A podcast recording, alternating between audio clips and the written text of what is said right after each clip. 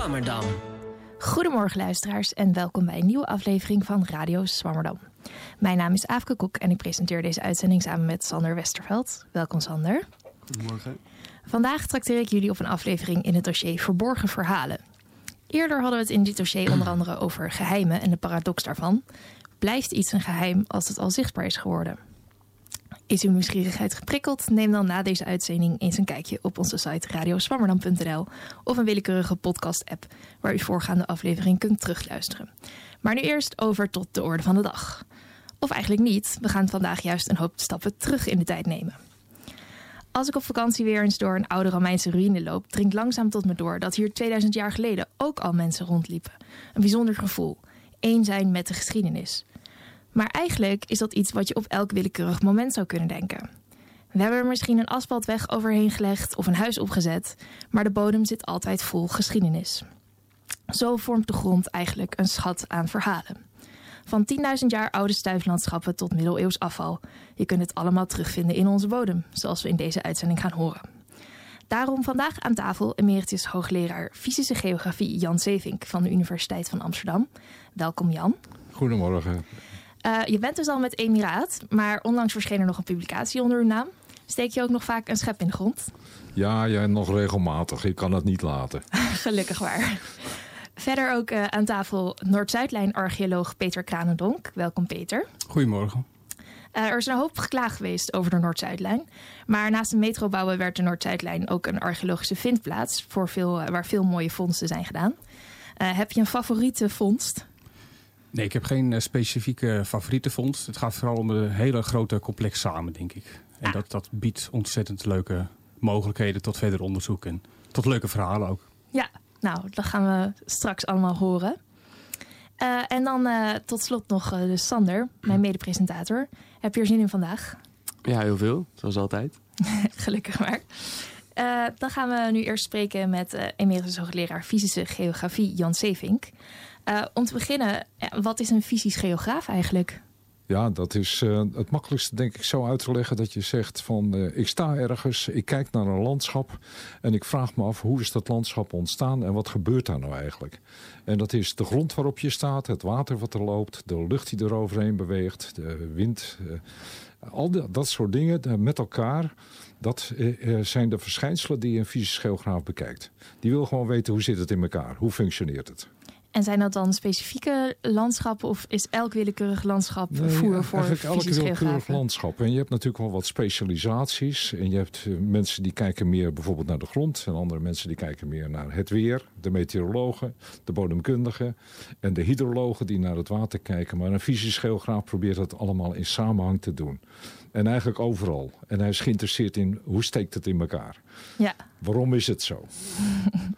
En uh, werk je daarbij dan veel samen met al die andere disciplines? Ja, dat, dat moet natuurlijk, want uh, het is een tamelijk complex geheel. Uh, dat is de laatste, kijk maar naar klimaatsverandering. Het is wel duidelijk geworden, het is complex. Dus je echt goed begrijpen, moet je met specialisten van verschillende achtergronden moet je samenwerken.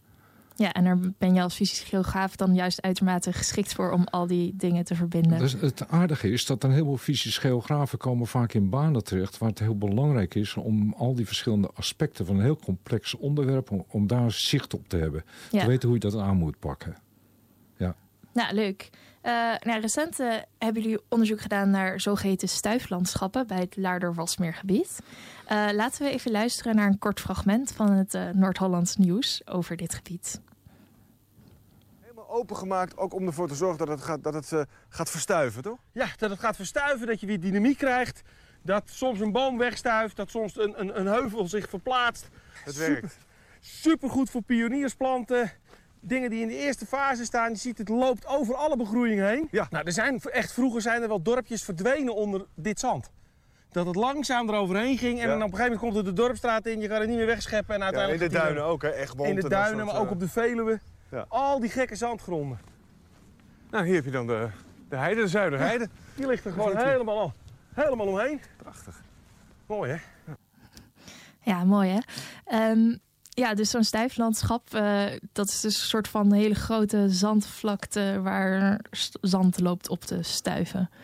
Ja, maar het is, het is een beetje complexer. Want wat er eigenlijk gebeurd is, dat is dat uh, wij zijn gewend met, uh, aan kunstmest. Maar er zijn uh, eeuwenlang de problemen geweest, altijd met boeren, van hoe kom ik aan mest? En het systeem was, je haalt het ergens vandaan dat wil zeggen, uh, meestal is dat mest van beesten. En die haalt het op de heide of die haalt het op de graslanden. En een boer die verzamelt die mest en brengt het dan op zijn akker. Maar het is een soort exploitatie. Het is een, een uitmijning van een groot gebied waar je voedingsstoffen haalt. Die je dan op je akkers brengt. En dat betekent dus dat je een groot gebied verarmt. En als dat te intensief gebeurt, doordat de bevolkingsdruk te hoog wordt... Eh, wat, wat in de middeleeuwen bijvoorbeeld is gebeurd. Eh, voor zoveel de boeren van die de kunstmest, Ja. Dan gaat het landschap stuk. Dan begint het te stuiven. En het was dus een heel algemeen voorkomend verschijnsel in de zandgebieden van Nederland. Je had dorpen met akkertjes eromheen. En in bepaalde fasen, late middeleeuwen, eh, late periode, zeg 18e, 19e eeuw, was het heel erg overal zandverstuivingen. Dus het was een heel veel voorkomend landschap. En dat is tegenwoordig niet meer zo? Nee, want op het moment dat ze de kunstmest uh, uitvonden, was het niet meer nodig om uh, de dierlijke mest te gebruiken. En dat betekent dat ze, je, ze die stuifstanden konden ze andere dingen mee gaan doen. En allerlei heidevelden, die, die hoefden ze niet meer te gebruiken voor, uh, voor schapenbeweiding en dan de mest gebruiken. Maar ze konden dat gaan bebossen. Dus het is allemaal onder bos gekomen en het stuifstand is vastgelegd. Ja, dus je ziet dus er het is heel weinig meer eigenlijk van een terug. bijzonder gebied geworden, dat Ja, daardoor was ja, meer. ja. Is dat ook de reden dat jullie daar zijn gaan kijken? Ja, want uh, er is dus zo'n idee van uh, stuifzandgebieden. Dat zijn dan eigenlijk resten van die hele oude landbouwgebieden, van dat oude landbouwsysteem. Uh, en het zit allemaal dicht, het is allemaal beworst, het is allemaal gestopt. Dat is jammer, want er zitten hele bijzondere planten en dieren in die stuifzandgebieden. Nou, dan ga je daar naar kijken. En uh, een van de gebieden waar men dat probeert in stand te houden... is dan dat Laarde-Wasmerengebied. En daar heb je dus nog wat stuifzanden. En dan, nou, dan ga je dan kijken van, van hoe steekt dat in elkaar. En uh, dus vervolgens hebben jullie daar een schep in de grond gestoken? Ja, of, uh, precies. Nou, dat is het grote voordeel van stuifzandgebieden. Dus dat stuift ook al ten dele weg. Dus je kunt ook een hoop zien. Ja.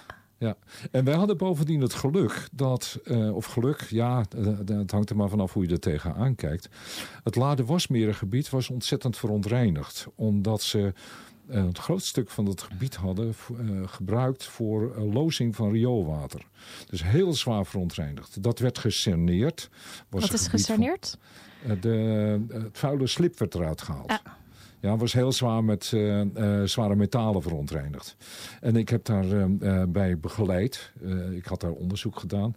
En toen hebben ze 60, 70 hectare helemaal schoongekrapt. En daar kon je dus alles zien.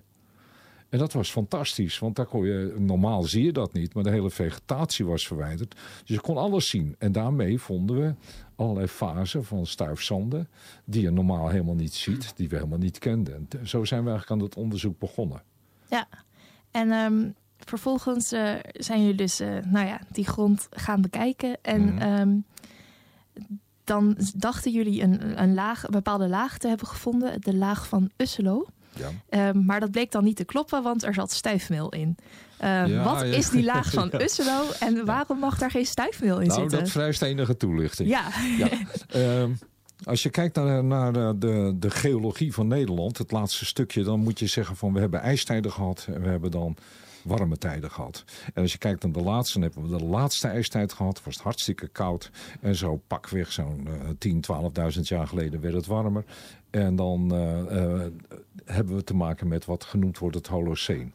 En in het Holoceen komt de, vegetatie komt weer terug. Voor die tijd was het heel koud, had je nauwelijks vegetatie.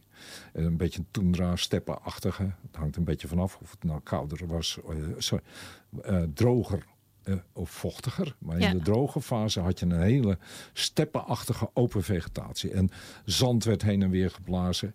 En dan wordt het warmer en dan komt vegetatie terug. En net aan het einde van de laatste ijstijd is er een warme periode geweest. Eh, het werd weer wat warmer. En daarin kwam de den terug. Je kreeg dennenbos. En vervolgens is het opeens weer heel erg koud geworden.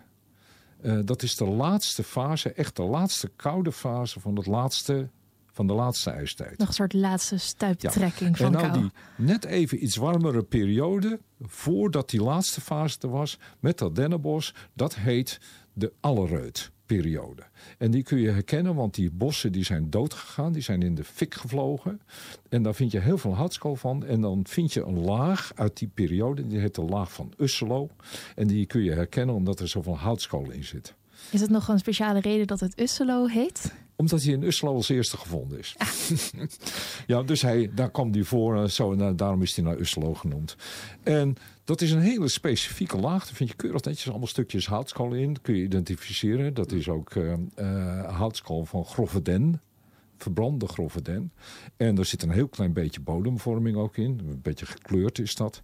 En eh, nou ja, dan, dan kom je zo'n laag tegen en denk je... Ah, laag van Usselo. En dan weet je hoe, laat je, hoe, nou, hoe oud het uh, Precies, dan weet je hoe is. oud het is. En uh, is, is bij jullie nu bekend uh, wat, wat de oorzaak is van het vele houtskool erin? Is het, is dit nog steeds het idee van een, een vulkaanuitbarsting in de Eifel? Nou, dat is een beetje ingewikkeld, want daar zijn hele wilde theorieën over, zal ik maar zeggen.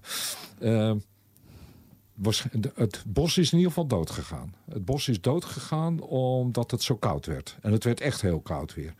En als je dode bomen hebt, dan kun je heel makkelijk hebben dat het in de fik vliegt. Ja, je moet je voorstellen, een dood dennenbos. Ja, daar staan allemaal droge, uitgedroogde stammen. Uh, die kunnen in de fik vliegen. En dat kan zijn door, een van de theorieën is de, de uh, eruptie van de Lage Zee.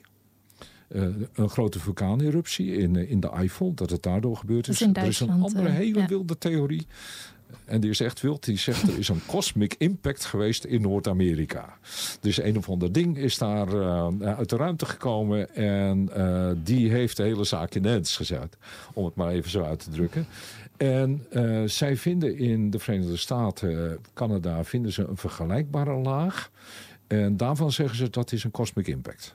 Dat is door branden door de cosmic impact. Ja, en dat zou dan hier ook zo kunnen zijn. Ja, ja, en daar zijn mooie theorieën over. Ik snap eigenlijk nog niet helemaal... Want jullie dachten dus dat je de laag van Usselo had gevonden. Ja. Maar dat was het dus niet. Wa Nee, maar waarom nee, was het dat nou niet? Nee, kom ik, kom ik even op. Oké, want ik dacht dat we nu aan de volgende theorie aan het werken Precies, waren. nee, nee, nee. Maar um, als, je, als je zegt het is de laag van Usselo, dan doe je dat op basis van een datering. En dateringen doe je aan houtskool. Dus, uh, radiokoolstofdateringen. Dus wij deden daar een radiokoolstofdatering aan, maar toen kregen we een ouderdom eruit en die klopte niet.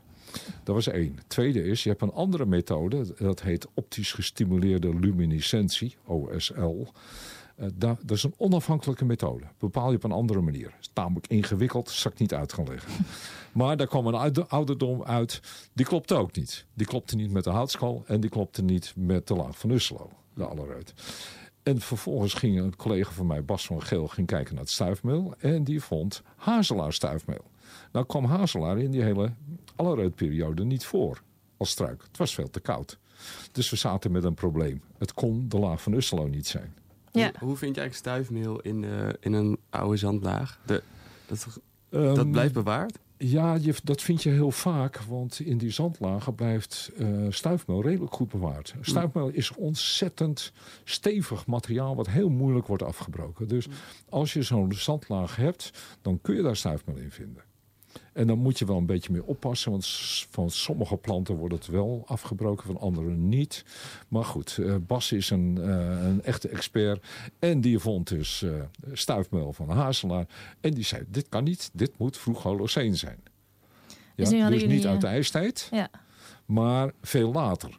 En ik zei tegen hem, ja Bas, dat kan wel, maar we moeten wel dan hard bewijs hebben hoe oud het is. Want met die problematische dateringen kunnen we niet verder. En er lag dus een vraag waarvan we uiteindelijk hebben gezegd... daar moeten we echt naar gaan kijken. En dat leidde tot het onderzoek waarover we nou zitten te praten. Ja, precies. En het verschil tussen de OSL-datering en, en, en de C14-datering, was dat groot? Of uh, kwam Ja, het wel er met elkaar nogal- overeen? Ja, waar we op terecht kwamen, er zat nogal fors wat verschil tussen. En dan krijg je te maken met... eh, zit er soms jongere organische stof in het materiaal wat je dateert? Dat hebben we helemaal uitgezocht. Hm. En dat bleek inderdaad het geval te zijn. Toen klopte het nog niet. Helaas. ja, dus het was een heel ingewikkelde puzzel om daaruit te komen. Er, er waren dus eigenlijk drie metingen die eigenlijk niet met elkaar klopten. Of Onderling niet goed met elkaar klopte. We begrepen het niet. En het paste niet in het verhaal van de laag van Usselo. Dit wordt spannend. ja, ja, wat een cliffhanger. Dus nou goed, we hebben drie dingen. We hebben geen idee meer wat het, waar we nou mee te maken hebben. Nee. Uiteindelijk Nou ja, zijn jullie er toch uitgekomen. Ja, want als echte wetenschapper, dan je, je kan het niet publiceren, maar je wilt wel weten. En eh, wat we dus deden, de, eh, ik woon daar in de buurt en ik ging daar regelmatig eens even kijken. Zo van, eh, kan ik nog iets vinden waar ik dan iets verder mee kom? En dat vonden wij. Want wij vonden een, in het stuifzand vonden we een plek waar een laag van Uslo zat met houtskool. En een van die jongere lagen die we eerst hadden aangezien voor de laag van Uslo, die het niet was. Maar dan ook nog weer op uitgebreide schaal. Dus we vonden er twee. En toen wisten we het zeker van, dat kan niet. En toen zijn we verder gaan kijken naar het voorkomen van hele vroege lagen met houtkool. Die niet overeenkwamen met die laag van Uslo. En dat hebben we gevonden. En uiteindelijk op een rijtje gezet. En toen was onze conclusie. Het kan niet anders dan dat al heel vroeg in die warme periode van het Holoceen. dat er bosbranden geweest moeten zijn. Die hadden niks te maken met dat eerdere eh, bosbrandverhaal. Uit die, eh, eh, van die dennenbossen uit die laatste fase van de, van, de, van de ijstijd. Maar gewoon heel vroeg bosbranden. Ja, En dat was moeilijk, want daar was eigenlijk helemaal niets van bekend. want over welke periode hebben we het dan nu? Praat je over zo'n zeg zo 6 tot 8000 jaar voor Christus. Ja, Heel vroeg, voordat er ook maar sprake was van enige landbouw. want wat deden we de mensen eh, zoal... nou, eh, dat, dat, toen kwam aan de orde en dat was wel grappig. Kijk, je zit dan met van waar komen nou in godsnaam die, die, die bosbranden vandaan? Eh, je, kan, je kan een keer een boom hebben die in de fik vliegt door, eh, bij, een, bij een blikseminslag. Maar ja, dat zijn kleine dingen. Dat, is, eh, dat zijn een paar bomen. Maar niet over, in een gebied dat je zegt over eh, zeg, honderden meters vind je een continue laag met allemaal houtskool. ja, dat moet een grotere Dat moet groter eh, geweest zijn. En bovendien, we vonden er twee. En dat was niet het enige, maar er was ook allerlei verstuiving in die fase opgetreden. Dus het was niet alleen branden, maar het was ook gaan stuiven. En dat past helemaal niet in het beeld van de geschiedenis van eh, die vroege periode. Waarin iedereen het idee had van daar ontstaat bos. En dat het is een dicht bos. Ja, in een dicht bos krijg je geen verstuiving. Dus wij moesten verklaren hoe kan het nou dat er verstuiving optreedt, dat er bosbranden zijn. Waarschijnlijk hangt dat samen, want als een bos verbrand is, krijg je een open gebied. En dan zou het mogelijk kunnen gaan verstuiven. En dan zat er ook nog iets met potselering, bodemvorming. zat ook nog een forse potselering. Wat is een bodemvorming of Ja, potselering? dat is als, als, als het bodemvorming een poosje duurt met dat soort zandgronden, dan verzuurt het. En dan begint organische humus begint uit te spoelen. En dan krijg je van die potselachtige, van die loodzandlagen met een, met een soort oerbankje. En dat is een aanwijzing... Dat het enige tijd behoorlijk is uitgespoeld. Ja. Lekker verzuurd. Ja. Nou ja, dat, dat was allemaal lastig verklaarbaar. En als je... Nog even een kleine samenvatting, want jullie hebben dus twee lagen gevonden met houtskool. Eén daarvan bleek ongeveer... Mi- minimaal twee, hè? Of minimaal nog twee? meer. Oké. en dan blijkt er één daarvan ongeveer 6 tot 8000 jaar oud. Ja? Dus dat is eigenlijk niet zo oud voor de fys- fysische geograaf. Maar ver voor landbouw, hè? Ja, oké. En, dan, en die andere laag, dat is dat wel de laag van Usselo. Ja, die En die, wanneer was dat nou precies? Dat is eh, pakweg zo'n 13.000 jaar eh geleden. Ja, dus dat is veel ouder eigenlijk. Veel ouder. Ja. Ja. Dus dan zit dan, die jongere laag zit er dan boven Ja. eigenlijk. Ja. Zo Ja, die zit er echt boven. Die, je Ja. vindt dat ook, dat hebben we ook gevonden. Dus dat je keurig netjes zo'n zo'n laag van Uslo vindt. Met vorstverschijnselen erin, allemaal keurig netjes. En daar ligt nog weer stuif of dekzand ligt erop. Zand wat tijdens die volgende koude fase eroverheen is gestoven. En dan zie je een stapeling van allemaal stuifzanden met allemaal potzolen erin en met allemaal houtskool. Hmm. Heel Ja, merkwaardig. ik zie het nu voor me, ja. Ja? En toen was onze vraag van hoe moet je dat nou in vredesnaam verklaren? En nou was het het merkwaardige dat als je in de literatuur kijkt in, van de ons omringende landen, dan kom je er allemaal verhalen tegen van de Mesolithische mens, de mens uit de middensteentijd. Dat was een jager-verzamelaar. Wa- wanneer is dat? Welke periode? Het Ongeveer? was een vrij lange periode. Maar je kunt zeggen het heeft geduurd totdat landbouw in Nederland geïntroduceerd werd. Zo 5000 voor Christus. Vroeg, dat is dan in Zuid-Nederland. Elders is dat later. Eh, zo in het gooien en zo zit je dan zo rond de 3.500 voor Christus. Eh, dan eh, heb je de overgang van het Mesolithicum, de middensteentijd, naar het Neolithicum. Dat is de late steentijd met landbouw. Eh, wanneer die begint, weet ik niet precies. Ik denk iets van 10, 15.000 jaar geleden. Maar daar zal mijn overbuurman meer van af weten. Meestal zeggen we zo, eigenlijk bij de overgang van het Pleistocene en het Holocene. Ja. Dat, en dan, Ja. hè, als het weer warmer wordt, dan krijg je eigenlijk die, die jagers-verzamelaars weer, weer binnen. Daarvoor had je dus ook jagers-verzamelaars. Dat noemen we dan Paleolithicum. En dan het Mesolithicum, dat is dan inderdaad die tussenperiode, in die warmere periode.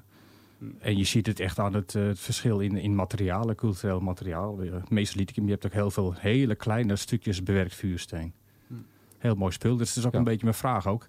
Hebben jullie ook microdebetage gevonden in die laag? Dat Goeie een vraag. woord. Ja, vraag. nou, dat, zijn dus, dat zijn dus echt minuscule kleine stukjes afslag van vuursteen.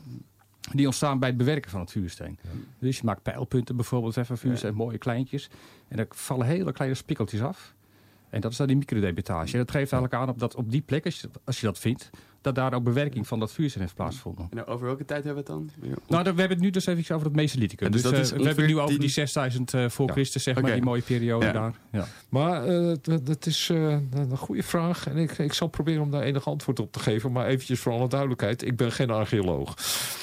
Ehm, wat je ziet in de landen om ons heen. er zijn, er wordt van alles gezegd over het gebruik van brand. Door de Mesolithische mens. En ehm, dat is eigenlijk helemaal niet zo gek. Want als je kijkt naar allerlei jagerverzamelaars. Die gebruiken brand gewoon. Voor allerlei redenen. Om wild op te jagen. Om eh, wild te sturen voor de lol. Klinkt heel gek, maar er zijn is bekend uit allerlei onderzoek dat mensen gewoon branden. Eh, maar het kan ook bijvoorbeeld zijn om wild aan te trekken. Want als jij een dennenbos hebt en je brandt dat, een dennenbos is onaantrekkelijk voor wild. Eh, als dat tot gevolg heeft dat je struiken terugkrijgt van, van loofbomen, eh, dat maakt het veel aantrekkelijk voor wild.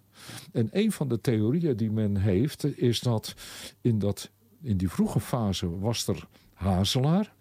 Als je een bos met hazelaar erin als struiken, als je dat brandt, gaat het bos open en dan bevordert het de groei van hazelaar. En hazelnoten waren voedsel voor Mesolithische mensen. Dus vrij, met vrij grote zekerheid aangetoond dat dat een belangrijke rol speelde, vooral in een wat latere fase. Die konden ze bewaren, eikels kon je ook bewaren. En er zijn dus van die theorieën die zeggen, de mens heeft dat bewaard in een soort kuilen als voorraad. Of dat nou helemaal klopt, weet ik niet. J- jullie vonden ook stuifmeel van hazelaren. toch? Wij vonden heel veel hazelaar. En dat was opvallend. Dus als je nou om je heen kijkt in allerlei eh, landen, dus Noorwegen, Zweden, Duitsland, eh, Engeland, eh, Zuid-Europa ook, zeggen ze allemaal: hazelaar is bevorderd door de Mesolithische mensen, door branden. Waar zeggen ze het niet? Nederland. Was nooit gezegd. En er wordt eigenlijk zo gedaan van eh, het overgang van het Mesolithicum naar het Neolithicum. Daarvoor heb je bos, daarna zijn ze opeens aan het branden en dan krijg je overal ook heide. En wat onze indruk eigenlijk is, van nee, dat is niet waar. Het is een veel geleidelijker overgang. Mesolithische mens heeft wel degelijk al effect op het landschap gehad. Heeft waarschijnlijk gebrand. Heeft, er was ook al hei, dat vonden we, hadden we al eerder gevonden. Ook ver voor enige landbouw. En het lijkt er dus op of de Mesolithische mens in misschien iets latere fase... je hebt het vroege Mesolithicum en het late Mesolithicum... al veel meer eh, impact op het landschap heeft gehad dan wij ooit hebben gedacht. Ja, dus dan creëer je eigenlijk al een beetje een cultuurlandschap. Precies, maar niet een cultuurlandschap zoals dat hoort bij de, de vroege landbouw, maar bij jager-verzamelaars die al een beetje beginnen te managen. Ja, die beginnen al wat te rommelen in het landschap om dingen eh, een richting op te sturen die hun bevalt. Je gaat branden, je krijgt meer hazelaar, je krijgt een wat opener vegetatie. En Ja. vonden jullie nou inderdaad ook nog eh, vuursteentjes? Of, Nou, eh, Ehm, dan kom je op een andere vraag, namelijk ehm, waar zou Mesolithische mens nou vooral gezeten hebben? Dan moet ik eigenlijk naar mijn overbuurman kijken en die moet maar commentaar geven op wat ik zeg. Eh Mesolithische mens heeft waarschijnlijk meer op de iets rijkere gronden gezeten. Dus als je in zo'n stuwallandschap zit waar wij zaten in het gooi, dan hebben ze waarschijnlijk op de stuwal gezeten en niet op die arme rottige gronden van het dekzand. Ja, als je de kans hebt, dan ga je, ga je daar eh, liever op zitten, want dan heb je iets rijkere vegetatie. Wij vinden de stuifzanden vooral in de dekzanden. Het zijn de arme gronden. En het is de vraag of hun gebieden waar ze branden en uh, wild opjoegen... of dat dezelfde gebieden zijn als waar ze hun je kan niet zeggen nederzettingen, maar hun verblijfplaatsen hadden. En dat is een mooi voorbeeld van, vlakbij waar wij werkten, daar heb je Soest. Er is een enorme opgraving gedaan uh, van een Mesolithische vindplaats. Die ligt op de stuwwal. waanzinnige hoeveelheden vuurstenen werktuigen en dan van die hele kleintjes. Hè. Ik geloof dat ze iets van 30 of 20.000 van die dingen hebben gevonden, van die afslagen. We hebben er nooit één gevonden. We hebben er echt in het hele gebied, wat ik vertelde van het Lade Wasmerengebied, wat zo bloot lag. Uh, en ik ben een geoefend zoeker. Uh, ik vind ze altijd, maar we hebben er maar drie gevonden. In een heel gebied van 60 hectare.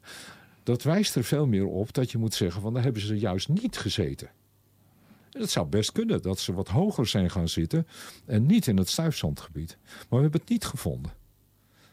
We hadden het natuurlijk graag gevonden, hadden een mooi bewijs gehad. Maar goed, oké, okay, zo gaat dat. Je niet alles hebben, hè? Nee. nee. Maar uh, wat, wat vind jij van het verhaal? Ja, ik, ik, vind, het, ik vind het een fantastisch uh, verhaal eigenlijk. En inderdaad, wat ook wel bekend is uit, uit, uit nu nog levende indianenvolken natuurlijk. dat ze inderdaad op kleine schaal toch steeds fikkie stoken, zeg maar. Om bepaalde zaken aan te gaan wakkeren. En, maar ook wel toch misschien op hele kleine schaal al, al wortels en et cetera ja, uh, te, gaan, ja. te gaan kweken en zo. Nou, dat dus, durfden wij niet te zeggen, hè? Nee. want dan kregen we iedereen over ons. Ja, ja, ja, ja. En ik weet ook niet of jullie... Ja, je zou bijvoorbeeld met, met slijpplaatjes onderzoek aan de bodem... of zo wellicht nog iets kunnen vinden van sporen van bewerking of zo. Maar dit is natuurlijk in zo'n kleine schaal. En het is verstoven ook. Hè? dus je, je vindt weinig geconserveerd. Het is allemaal verstoven.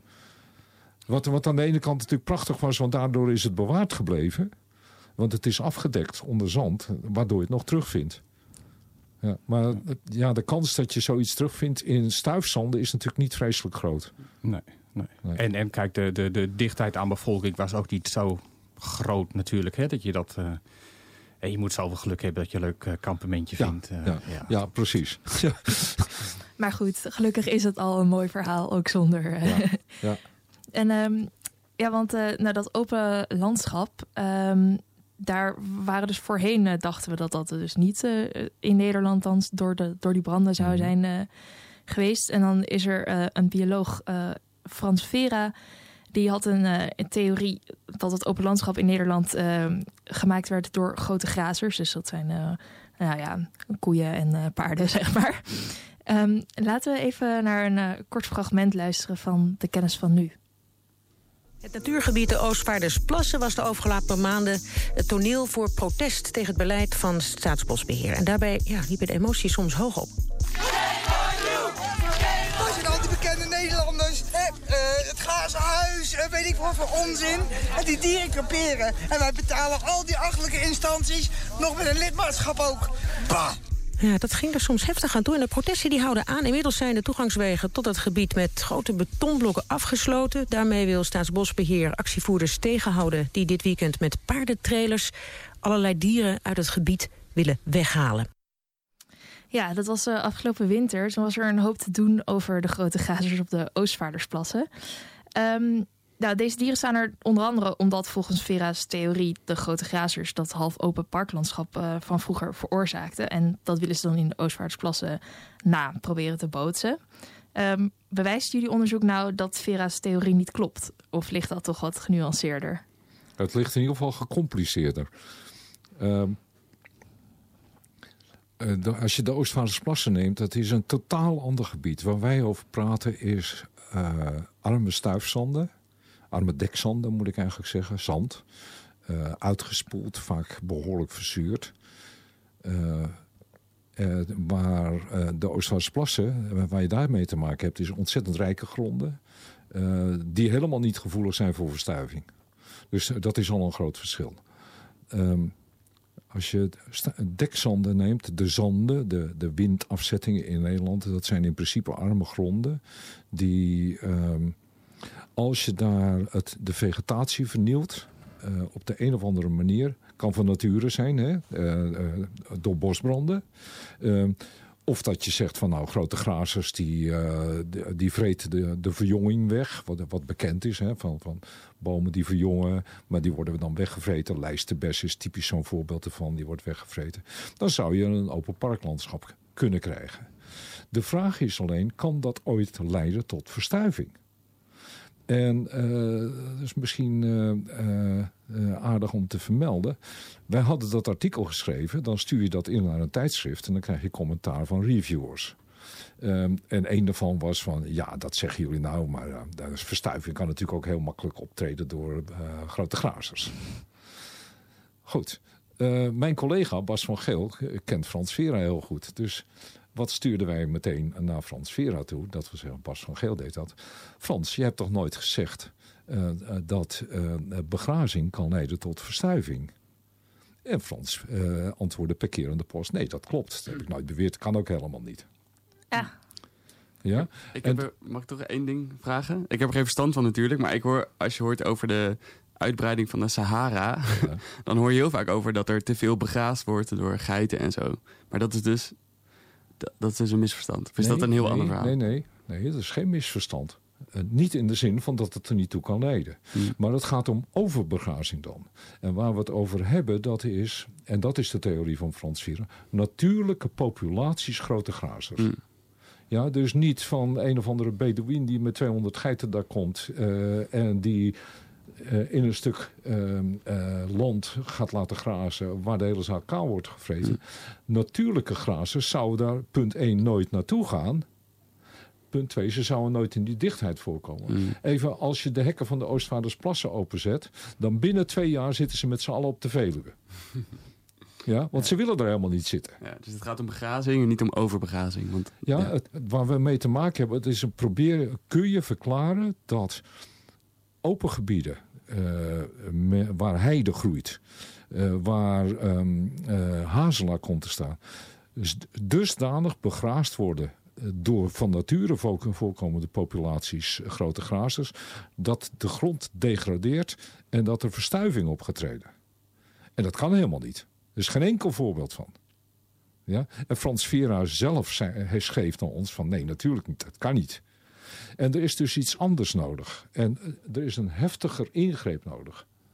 En als je zegt van wat is dan de meest waarschijnlijke verklaring, dat is branden in een fase waar je ook de strooisellaag, die op een grond normaal gesproken zit, helemaal wegbrandt. Waardoor je kaal zand krijgt over een flink oppervlak. En dan kan verstuiving optreden.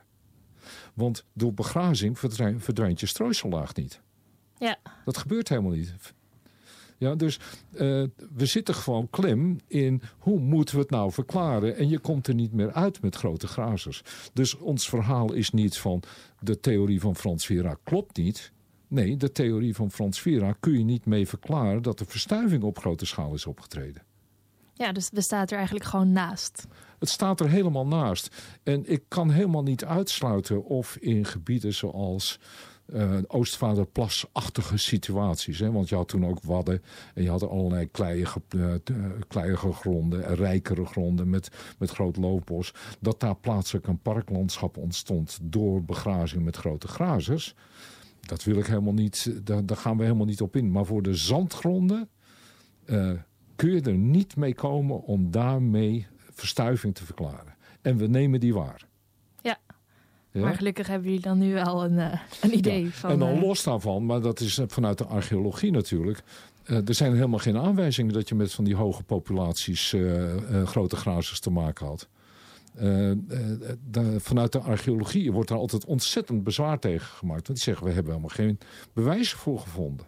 Ja, er, er zijn geloof ik gewoon geen botten van Nee, van paarden gevonden, kwamen dus helemaal dan... niet voor in die periode. Nee. Het is erg onwaarschijnlijk dat die hoge dichtheden voorkwamen. En geeft jullie onderzoek nu wel uh, uh, aan dat er um, gedurende langere periodes, zeg maar, uh, dit, dit afbranden plaats heeft moeten vinden? Nou, we, we hebben dit onderzoek, nou, wat gepubliceerd is, maar we zijn bezig met nieuw onderzoek in datzelfde gebied.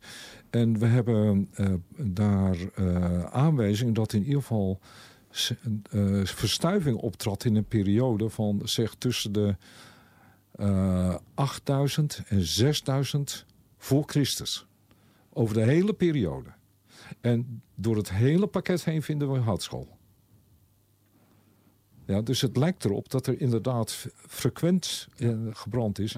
En hoe kun je dat nou aantonen? We hebben eh, nou van die, van die profielen hebben we bemonsterd. En eigenlijk moet je dan zeggen, dan moet je het houtskool gaan dateren. Hè? En dan moet je gaan kijken, vind je de houtskool van allerlei verschillende leeftijden erin.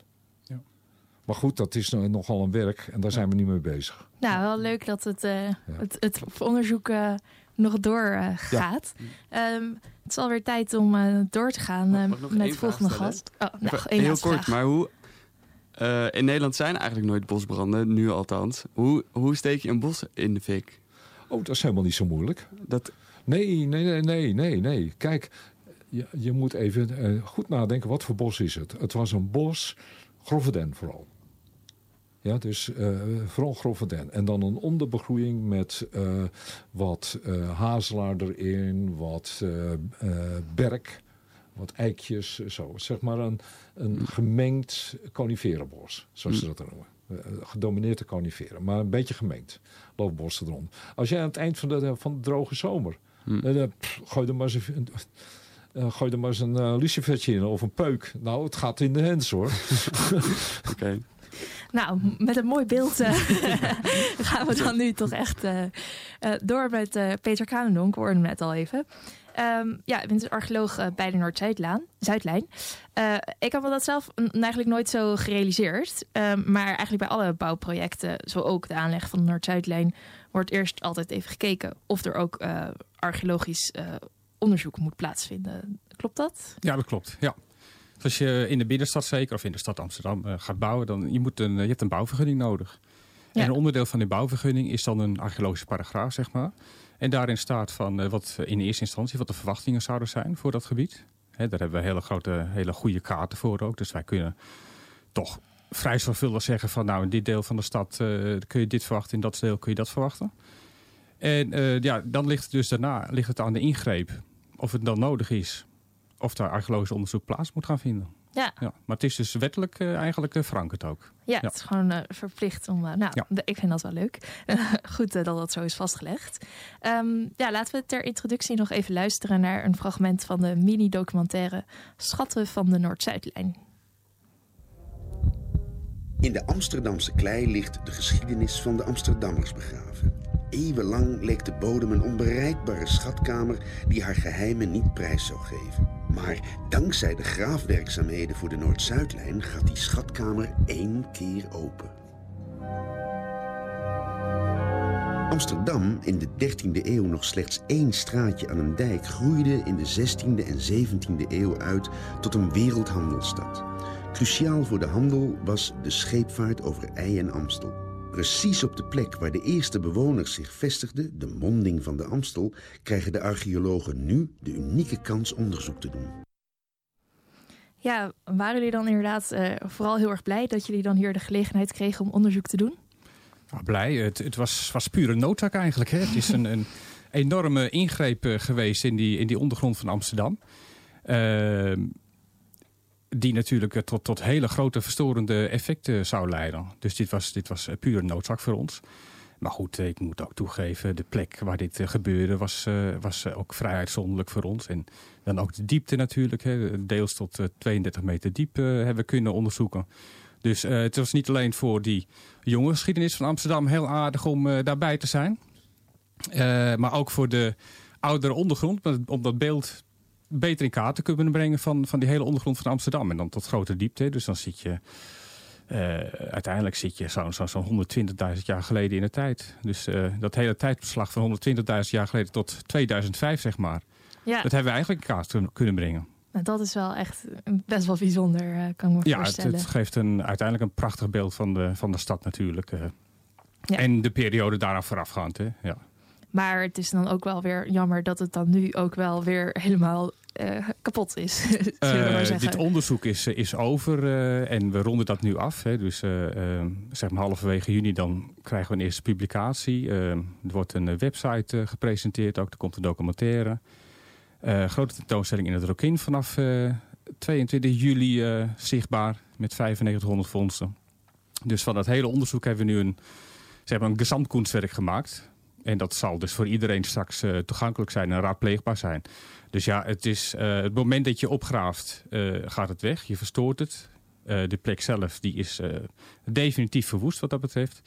Maar het materiaal wat erin zit en zoveel als mogelijk informatie eraf vasthangt, dat hebben we bewaard. En dat geven we straks weer terug aan de stad. Ja, dat is een mooie, een mooi idee.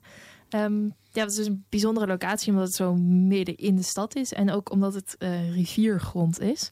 Kan je daar iets over vertellen? Ja, uh, de, we hebben uh, twee plaatsen geselecteerd zeg maar, voor grootschalig onderzoek. en dat is aan de ene kant de Nieuwe Brug, Damrak. Nou, dat is de monding van de rivier de Amstel in het IJ. eigenlijk de oudste plek, de binnenvaart, zeg maar de binnenkomst van de hele Oostzeehandel naar de stad Amsterdam. Dus dat is uh, ja, het, het, hart, de kern waar Amsterdam in, die, in de late middeleeuwen, vanaf rond 1200, uh, eh, ontstaat.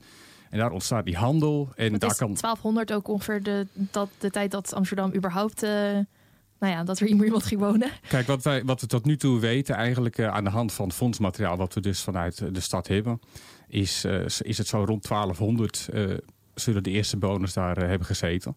Maar het probleem natuurlijk is altijd van, je hebt maar beperkte stukken opgraven. En je weet niet wat er bij de aanleg van gebouwen in de afgelopen periodes allemaal weggegraven is. Dus het zou best kunnen. We, we, we hebben duidelijk indicaties van, van menselijke activiteit ook van voor die tijd. Maar echt grootschalige bebouwing, dat zien we dus vanaf rond 1200, 1225 optreden. En dat is dan langs de, de Nieuwe Dijk en de Kalverstraat. dat is de westelijke oever van de Amstel. En aan de andere kant heb je de oostelijke oever. Dat is dus de, uh, de Warmoestraat en de Nes. En dat zijn de oude, hoger gelegen delen langs die Amstel. Die dan als eerste gebruikt gaan worden voor, uh, voor een nederzetting. Ja, dat is wel bijzonder dat je, dat is inderdaad ook meteen een, een plek was waar jullie ook echt... Uh, ja, we zaten dus in het hart van die, van die rivier de Amstel. Nou, wat, wat mensen, ja, dat is, dat is eigen aan mensen kennelijk. Het is het meest makkelijk om je afval weg te gooien ergens waar niemand het ziet. Het liefst voor de deur natuurlijk. Nou, wat ligt daar voor die deur? Een rivier. Nou, dat is toch voor ons natuurlijk een, uh, ja, als je dat zo wil zeggen, een schatkamer. Maar het is een, een geweldige locatie natuurlijk om inzicht te krijgen in het hele gedrag van de mensen. Het is eigenlijk gewoon omdat iedereen maar gewoon lekker zijn afval in de rivier dumpte, kunnen jullie nu daar... Uh wij kunnen, eh, ja, wij kunnen dan uiteindelijk op basis van het afval... en uiteindelijk wordt alles weggegooid. Hè? Uh, kun je dus uh, die bebouwing en die mensen en die activiteiten reconstrueren. Mm. En daarvan is dan die andere locatie, het Rokin, uh, het meest waardevol. Een grote bouwkuip aan de andere kant van de dam. Dan zit je eigenlijk, hè, die dam die wordt zo in het midden van de 13e eeuw aangelegd, voor zover we nu weten. En dan zit je aan de, dan zit je aan de binnenhaven van Amsterdam dus het goederen die komen binnen via Damrak, worden overgeslagen. En die gaan naar vier kleinere schepen, gaan ze via, het, uh, via de Amstel weer en dan andere stroompjes het achterland in. Naar Utrecht bijvoorbeeld, naar Gouden, naar Rotterdam, Antwerpen. Het hele land gaat het in. Nou, en op die plek, in dat uh, Rokin, is een grote bouwput aangelegd van uh, zeg maar de kern van 190 meter lang, 25 meter breed. die is ook ontgraven tot 25 meter diep. En daar hebben we dat zo gedaan dat we steeds uh, vakken hebben gekozen. En alle fondsen verzameld per vakken. En die vakken die kun je dan linken aan de uh, percelen op de oevers. En op basis daarvan kun je dus nu, en dat zien we dan ook... kun je eigenlijk ja, die ontwikkeling van die percelen in kaart brengen. Dus in het ene vak vind je heel veel materiaal... wat bijvoorbeeld met uh, suikerraffinaderij te maken heeft een bepaald, bepaald soort aardewerk. Vanaf de 17e eeuw hier in Amsterdam uh, heel erg uh, in opkomst. En dan kijk je, wat vind je daar dan? Het is heel geconcentreerd. Hè? Een paar vakken zijn dat. Voor de rest vind je dat nauwelijks, dat materiaal.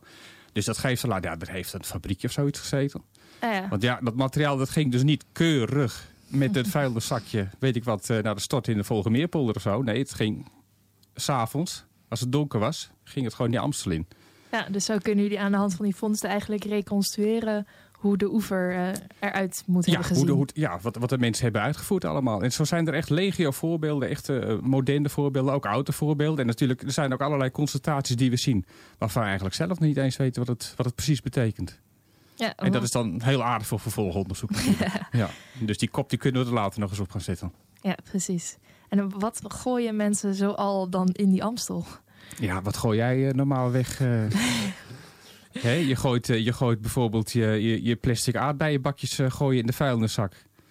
En dat gaat er centraal afgevoerd worden. Nou, in die tijd, 17, 18 eeuw, had men hele prachtige kommetjes fruittestjes van roodbakkend aardewerk. En daarmee werd dat fruit werd het aangevoerd vanuit het Westland. En het werd hier verhandeld.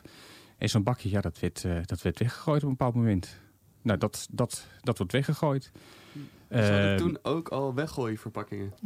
dat was eigenlijk toen ook al weggooiverpakkingen. ja, ja. En natuurlijk kon je dat hergebruiken, maar ja, het was ook makkelijk om weg te gooien. ja, ja. Ja, en je verliest natuurlijk ook spullen. Hè? Je verliest, uh, het kan, kan, kan gebeuren dat je je horloge verliest, uh, je ring. Mag, mag ik wat vragen? Want uh, wat mij nou zo interesseert, jullie zitten diep in de Amstel.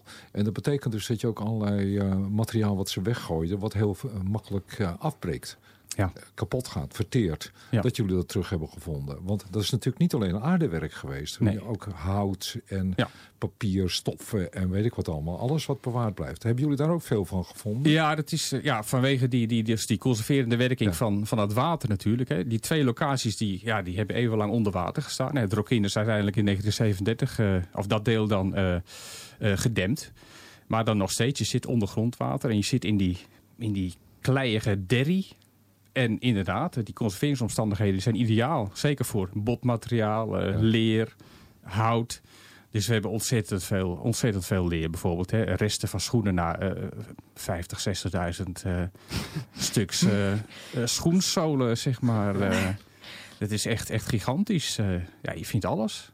Alles is het nog, ja. En ook echt nog waardevolle spullen of is het echt allemaal rommel? Ehm, nou ja, doorgaans verlies de, vliegen de mensen, verliezen de mensen toch niet echt heel veel waardevolle spullen. Hè. Je ring verlies je niet snel. Maar er zijn wel een aantal uh, gevallen daarvan natuurlijk bekend. Uh, uh, portemonnees, dat gebeurt ook nog wel eens. Uh, al dat niet uh, expres, ja. ja, al dat, ja, ja, zeker. Ja, dat vind je dus ook terug. Hè. Dus ja. gestolen portemonnees inderdaad. waar nog wel een aantal pasjes in zitten of waar een kleingeld in zit. Hey, dat zijn dan de recente voorbeelden. Hè, maar waar het briefgeld uit is... Maar je, vindt, je vindt ook uh, indicaties dat er iemand een portemonnee zeg maar, uit, uit 1500 heeft verloren. Want je vindt dan op één plek een aantal munten met een bepaalde waarde. En die komen allemaal hetzelfde jaar ongeveer. Ja, dat portemonneetje zit er niet meer omheen. Dat hebben we dan niet meer.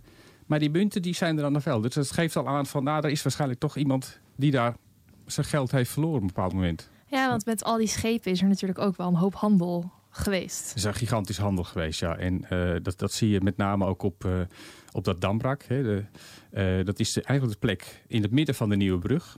Nou, die, waarschijnlijk in de 14e eeuw is daar eerst een houten brug gebouwd. Vrij open brug natuurlijk, hè. open houten jukken. En in de loop der eeuwen is die steeds verder versteend. En in 1681 is daar onder Hudde, burgemeester Hudde... die heeft daar dat hele watersysteem, waterhuishouding Amsterdam aangepakt... en die heeft allerlei sluizen gebouwd. En toen is, er echt, eh, toen is de hele zaak versteend. Houten sluisbodem erin aangelegd. Dubbele sluizen erin. Uh, dat sluit ook weer die lagen daaronder af. Dat moment. Maar daar, op die plek, daar kwamen dus alle schepen kwamen binnen. En die moesten naar binnen. En die moesten zich een beetje afzetten. Die moesten zich naar de kade trekken. Een beetje afzetten van de kade. Dus die gebruikten daarvoor die bootshaken. Hè, lange stukken hout van, van, van, van 4, 5 meter lang. Met zo'n ijzeren haak eraan. Ja, die vind je daar op die plek. Uh, hadden we er iets van 350. Dus uh, en dan kun je eigenlijk, het lijkt heel veel. En eigenlijk is het heel weinig. Hè? Want we hebben het over een periode van pak een beetje 700 jaar. Je hebt maar 350 bootshaakjes op zo'n plek waar enorme bedrijvigheid heerste. Ja, één bootshaakje in twee jaar verliezen is heel weinig. Ja, maar komt dat dan omdat uh, men uh, zuinig was op zijn bootshaken? Of dat Misschien staat het heel goed vast, ik weet het niet. Maar goed, weet je, we hebben natuurlijk een heel klein stuk van die, van die doorgang uh, onderzocht. Misschien zat er wel een touw aan. Dat zou kunnen, maar in de meeste gevallen lijkt me dat heel moeilijk. Want het is eigenlijk vastgenageld met een aantal spijkers aan, aan, aan, nee, aan de boom. aan de stok. Aan de stok, ja, maar goed. Dan zou je dus die hele stok ook nog vinden. We hebben, we hebben maar een paar complete, okay. echt complete boodschaken. Dus we vinden eigenlijk alleen maar die ijzeren punten ervan. Ja. Ja, dat, dat, ja goed, het, het, het brakkershouten water natuurlijk, dat tast al heel snel die, ja. uh, die de, de, deels het hout ook aan, maar ook die spijkers natuurlijk. Dus het laat al snel los ook op een bepaald moment. Ja. Maar goed, uh, het, het, geeft, het geeft wel de intensiteit van, van, van zo'n stuk aan, uh, waarmee je met, met al die schepen naar binnen komt natuurlijk. En, en je vindt ook hele ja, andere dingen in hele grote hoeveelheden. Hè. We hebben bijvoorbeeld iets van 60, 70 kloodolken ook van de nieuwe brug. Echt van zo'n klein stukje, hè, 20 bij 20 meter zeg maar, of 20 bij 40 meter. Wat zijn Eh, dat? Klootdolken? Klootdolken, dat zijn eh laat-middeleeuwse dolken. Die hebben een bepaalde vorm van de greep. Er zitten twee ballen aan de zijkant. En ehm, de greep zelf loopt ook een beetje uit. Dus als je die, eh, die omdraait, dan lijkt het eigenlijk eh, op een, ja, nou ja, een penis met twee kloten eraan. Want een, een kloot, dat is een bal. Een klootdolk, oké. Ja, dus dat heet een klootdolk. Hè. Dat, ja, in de 17e eeuw heette dat natuurlijk niet zo. Toen heette het een nierdolk, zeg maar. Hè. Dat was veel netter. Eh, maar goed, het, heet nu gewoon weer klootdolk. Maar die werden gewoon gebruikt om eh, iemand mee neer te steken? Je kon, of, eh, ja, je kon er, eh, eh, veel van die dolken die hebben een keurig eh, rond puntje. En daar kon je eh, heel goed mee ook door het maliënkolder steken. Dus die stak door die ringetjes heen. Dus je kon, het waren prima, prima prikwapens. Je kon er ook mee snijden, maar het was vooral om te steken. Maar het is een hele korte periode geweest eigenlijk. Zeg maar anderhalf eeuw zo, misschien twee eeuwen, dat die in mode waren. En die werden dus ook echt opzichtig door de mannen. Dat zie je op, op afbeeldingen, prentjes, et cetera. Eh, Gebroeders van Limburg, eh, daar zou ik maar eens naar kijken. Daar staan ze prachtig op afgebeeld ook. Eh, die werden dan echt voor het kruis gedragen ook. het is echt... ja, het is een, een, een, een modestatement. eh. ja.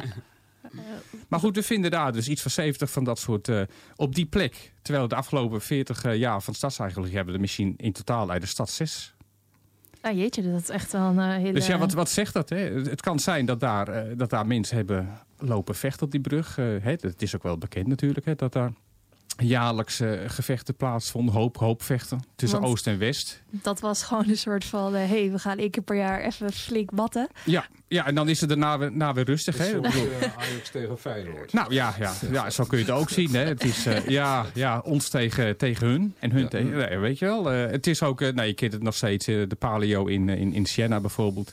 Ah, dat zijn van die sociale uitingen die dan eigenlijk ook een beetje gestruct, eh, gecontroleerd worden eigenlijk van bovenaf om het te laten doen. Dus het kan zijn dat het daarmee komt. Het kan ook zijn dat ze gewoon verloren zijn. Hè? Want op een brug en je verliest wat, ja, je krijgt het niet meer terug. Want het zakt, het zakt het water in. Het is twee, drie meter diep, eh, de, de, hè, de, eh, het water zelf. En dan komt het in die, in die derry daaronder. En dan zakt het nog iets verder terug. Dus ja, je vindt het nooit meer terug. Nee. En ehm, hoe dateren jullie die vondsten dan? Is het gewoon eh, wat dieper ligt, dat is ouder? Of ligt ja, dat, is, eh, eh, dat is, dat is een, van de, een van de methodes. Hè. Dat, is, dat is een hele, hele logische methode natuurlijk. En op het land werkt dat uitstekend. In zo'n rivier is het, is het wat lastiger, omdat... ehm, in eerste instantie werd ook wel gezegd, je zit in de rivier, dat heeft allemaal gezin, want dat water dat stroomt en dat spoelt, et cetera, et cetera. Dus daar vind je helemaal geen, geen stratigrafie of zo meer terug. Maar als je naar de grote, de grote lijnen kijkt, dan zit dat er wel zeker in. Dus eh, je vindt inderdaad eh, jonger materiaal doorgaans minder diep dan oude materiaal. En als je dat met, we hebben natuurlijk hele grote hoeveelheden. Hè? Bijvoorbeeld van het uh, hebben we rond de 450.000 vondsten. Nou, dat kun je keurig in kaart brengen. In welke diepte zit het allemaal? En dan zie je, dat, dan, dan zie je een prachtige ontwikkeling in het materiaal terug.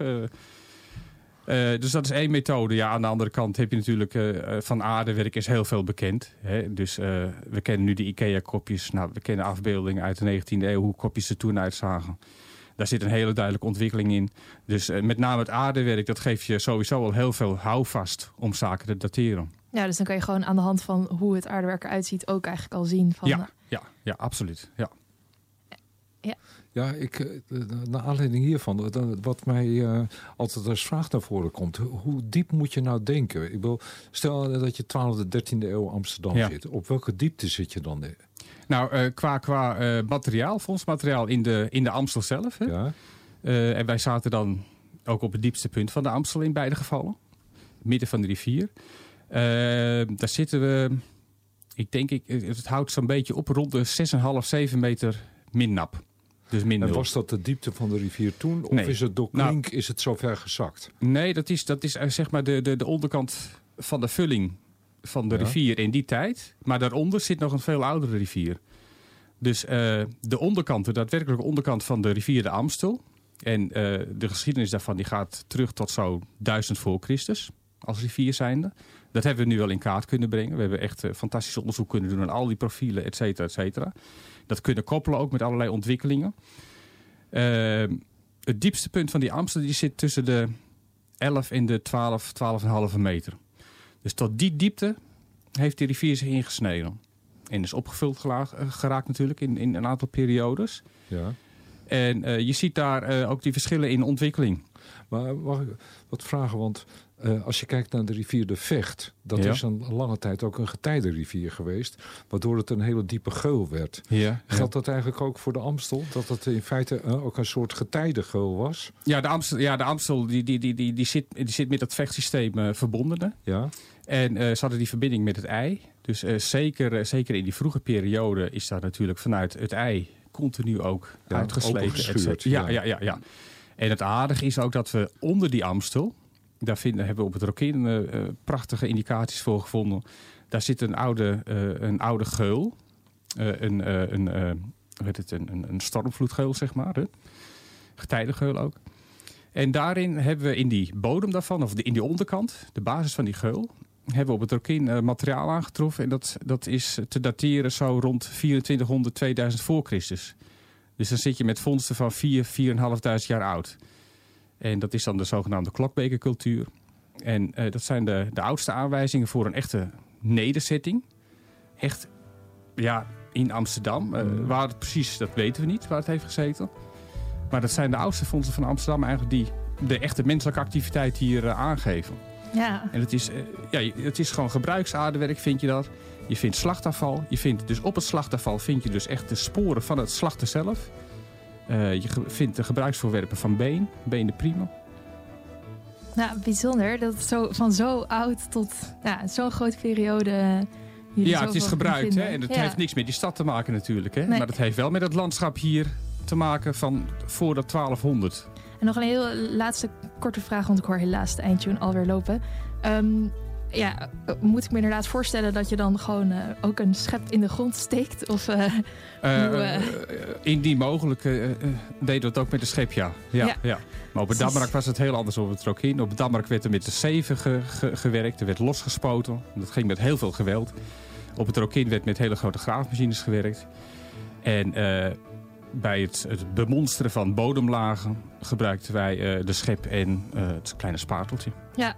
Nou, begin juni verschijnt eh, er een boek over. En daarna komt ook dus een deel van de vondsten wordt tentoongesteld in het metrostation. Ja, die liggen al die liggen klaar. En die zijn vanaf 22 juli zichtbaar voor iedereen. Nou, luisteraars, allemaal gaan kijken. Ehm, ja, ik hoor dus de eindtune alweer. Dus dat betekent helaas dat we aan het einde zijn gekomen. Ehm, we hadden het vandaag over verhalen uit de grond. Over hoe laagjes stuifmeel en koolstof in de grond ons iets vertellen over de vorming en datering van stuiflandschappen. En daarnaast hadden we het over archeologische vondsten die het Noord-Zuidlijn-project opleverden. Van schoenen tot weggooibakjes tot wapens over een hele lange periode. Ehm, daarvoor zaten aan tafel Jan Sevink en Peter Kranendonk. Hartelijk dank beiden voor jullie komst. Graag gedaan. Ook eh, dank aan mijn medepresentator Sander en de technicus van vandaag, Maribeth. Eh, volgende week hebben we geen uitzending vanwege Pinksteren. De week daarna gaat Maribeth het hebben over vrouwen in de Romeinse tijd. Volg Radio Zwammerdam verder via Facebook, Twitter en Instagram. En eh, voor nu wens ik u nog een hele fijne zondag en voor alle moeders een fijne moederdag. Mijn naam is Aafke Kok en dit was Radio Zwammerdam.